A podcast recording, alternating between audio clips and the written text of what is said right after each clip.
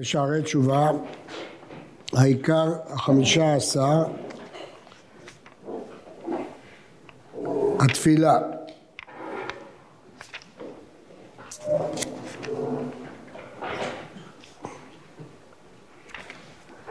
יתפלל אל השם ויבקש רחמים לכפר על עוונותיו, שנאמר, קחו עמכם דברים ושובו אל השם.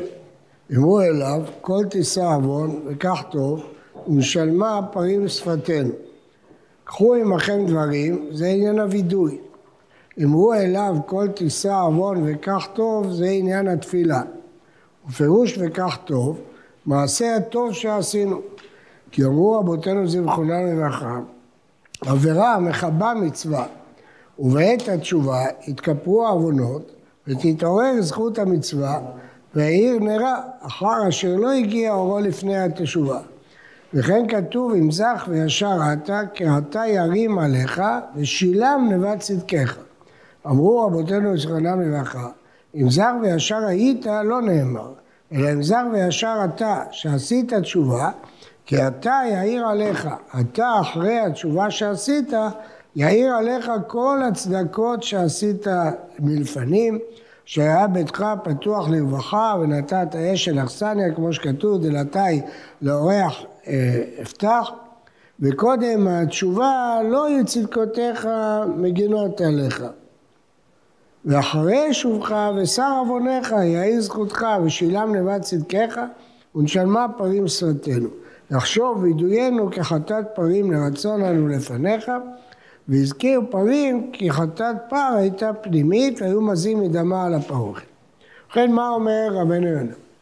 אומר עיקרון אחד וחידוש אחד. העיקרון הוא שהתשובה תמיד צמודה לתפילה.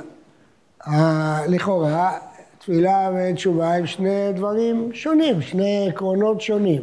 אבל מצינו תמיד בצמוד לתשובה גם תפילה. על מה צריך להתפלל? אז הרב ימנה פה כמה דברים שבגללם התפילה צמודה לתשובה. דבר ראשון, לבקש רחמים, לכפר על עוונותיו. זאת אומרת, בתשובה עצמה אדם שב, מתוודה, בתפילה הוא מתפלל שהתשובה שלו תתקבל, שהקדוש ברוך הוא יכפר על עוונותיו. ואז רבנו יונה עובר לעניין אחר, תוך כדי פירוש הפסוק, ואומר חידוש שכתוב גם ברמב"ם באופן אחר קצת, אבל באותו דבר. רבנו יונה אומר שכשאדם חוזר בתשובה, אז קורים עוד דברים חוץ מעצם התשובה. מה שקורה עוד, שמתעוררות הרבה זכויות שלו שהיו רדומות. מה פירוש שהיו רדומות? אה, כשאדם עושה עבירות, אז המצוות שלו לא מתקבלות. עבירה מכבה מצווה. כתוב בעבירות מסוימות שלרשע אמר, מה לך לספר חוקריי? אה, או במקום אחר כתוב, ידיכם דמים מלאו. כלומר, כשאדם עושה עבירות, אז לא מתייחסים כל כך למצוות שלו. אבל כשהוא חוזר בתשובה ותיקן את העבירות, אז גם המצוות הקודמות מתעוררות, חוזרות להתעורר. ואותו דבר תפילות, הרבה תפילות שהוא התפלל, שהיו חסומות, שלא עלו לשמיים בגלל העבירות שלו, כשהוא חוזר בתשובה קורה משהו מפתיע. לא רק שהוא תיקן את עוונותיו, ולא רק שנמחק לו כל מה שהוא עשה, אלא מתעורר לו כל האור של התפילות והמעשים הטובים שהוא עשה קודם, לפני שהוא חטא. ופתאום כל אלה עומדים אה, לזכותו. אומר הרב שזה נלמד מהפסוק, תישא עוון וכך טוב. אחרי שתישא עוון, אז עכשיו כל הטובות שעשינו עולים לשמיים. הוא מביא את הפסוק באיוב, אם זך וישר אתה, אומר הירושלמי, אם עשית תשובה, אתה יאיר עליך, התעוררו הזכויות שלך, ושילם לבד צדקיך, פתאום ישלמו לך את הצדקות שעשית קודם, כאשר היית עבריין, שהעבירה כיבתה את המצווה. ועוד יתפלל בעל התשובה אל השם, למחות כאב פשעיו כענן חטאותיו, שיחפוץ בו וירצהו ויעתר לו כאשר אם לא חטא. זאת אומרת, התפילה היא באה לשלב השני של התשובה. בשלב הראשון מתכפרות העבירות, אבל בשלב השני הוא מצפה לאהבת השם, שתחזור אליו אהבת השם, שהשם ירצה לו. הראיה לזה שאנחנו מביאים שני קורבנות, קורבן חטאת וקורבן עולה. קורבן החטאת מכפר, קורבן העולה מרצה. פירוש הדבר שכש...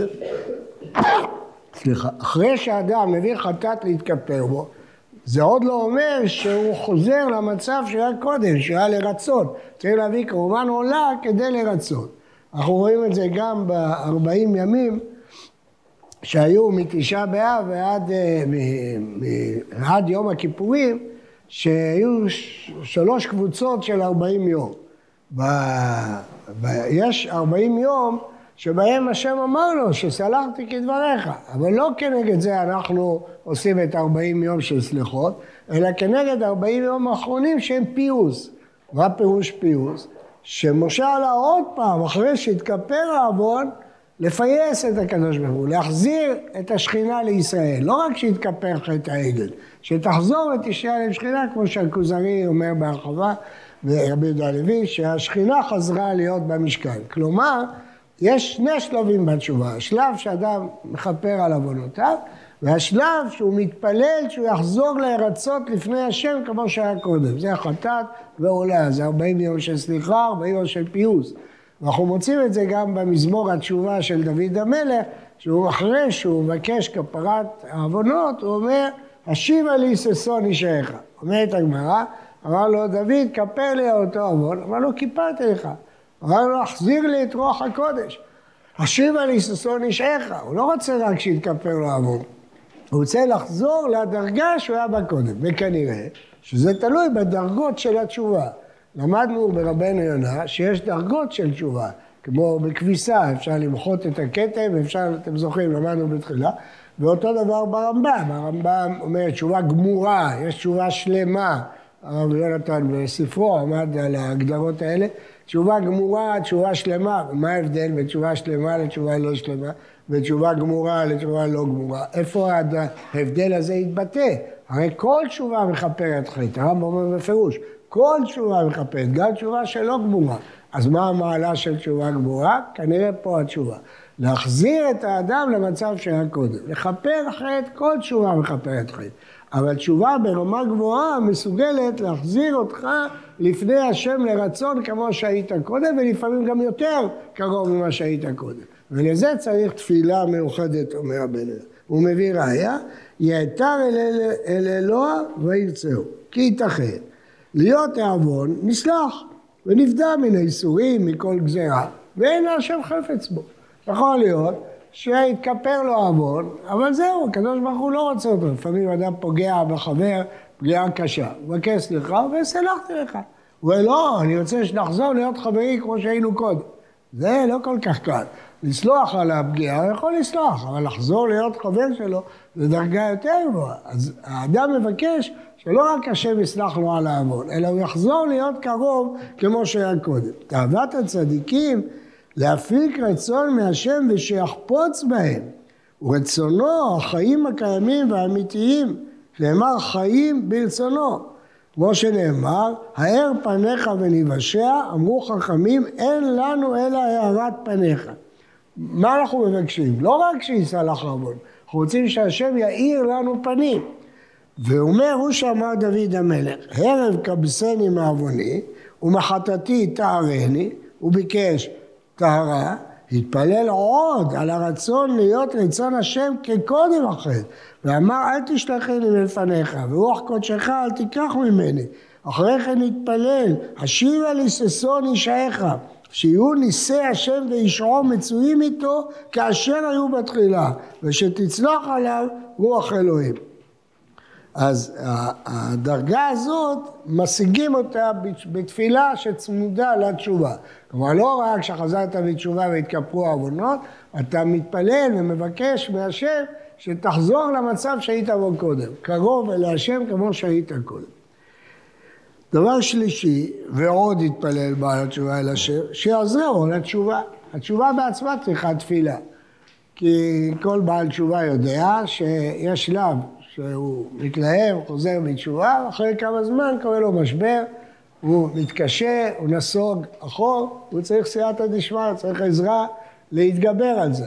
בעל תשובה צריך עזרה בעת השם.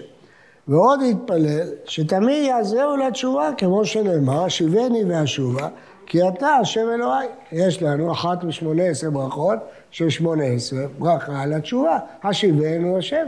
אז יש לנו לתורתך, וקרבנו מלכנו לעבודתך, ואחזירנו בתשובה שלמה לפניך. התשובה מורכבת מתורה, תפילה ותשובה, אנחנו מבקשים את זה, אנחנו מבקשים, מה אנחנו מבקשים? אנחנו צריכים לחזור בתשובה, מה אנחנו מבקשים? עזרה, סיוע, שהקדוש ברוך הוא יסייע בעדנו. הקדוש ברוך הוא מסייע ביד חוזרים בתשובה. אבל נשים לב להבדל, שהחתימה של הברכה הזאת, ברכת התשובה, שונה מכל חתימות של שמונה עשרה. כל החתימות הן על הפועל, חונן הדעת, גואל ישראל, רופא חולה עמו ישראל, מחזיר שכינתו לציון, שומע תפילה. אבל מה החתימה פה? לא המשיב ליבות עמו ישראל, הרוצה בתשובה. הקדוש ברוך הוא לא עושה את התשובה במקומך, אתה צריך לעשות את התשובה. הקדוש ברוך הוא רק רוצה שתחזור בתשובה והוא מסייע לך. וכל תפילת נעילה בנויה על זה. תשימו לב לתפילת נעילה, היא כולה בנויה על זה שהקדוש ברוך הוא רוצה שנחזור בתשובה, קורא לנו לחזור בתשובה, מבקש שנחזור בתשובה, מסייע שנחזור בתשובה. איך הוא מסייע? שולח נביאים. שולח לאיסורים, שולח לחכמים שילמדו את האדם. כלומר, כתוב בנביא שהקדוש ברוך הוא שלח להם נביאים, השכם והערב, השכם והערב. זה מסייע, זה בא לעזור לאדם להתעורר, להתעורר, לחזור בתשובה. אז גם על זה באה התפילה. אז התפילה מלווה את התשובה על עצם הכפרה על חטא, על הרצון שהשם יסייע לו בתשובה ועל הרצון שהשם יחזור להיות קרוב, שהוא יחזור להיות קרוב אל השם כמו שהיה לפני החטא, בדיוק, זה לא מספיקה תשובה. פה צריך תפילה מיוחדת, אשיבה לי ששון אישך, שנחזור למצב שהיינו, אה, אנחנו אומרים את זה, חדש ימינו כקדם, אנחנו רוצים שהשם יחדש את ימינו כמו שהיה קדם, כימי עולם וכשני קדמוניות, כמו שהיה לפני החטא. אנחנו רוצים כקדם, לחזור למצב שהיינו קודם. זה, זו דרגה גבוהה שבשבילה צריכה תפילה שמלווה את התשובה.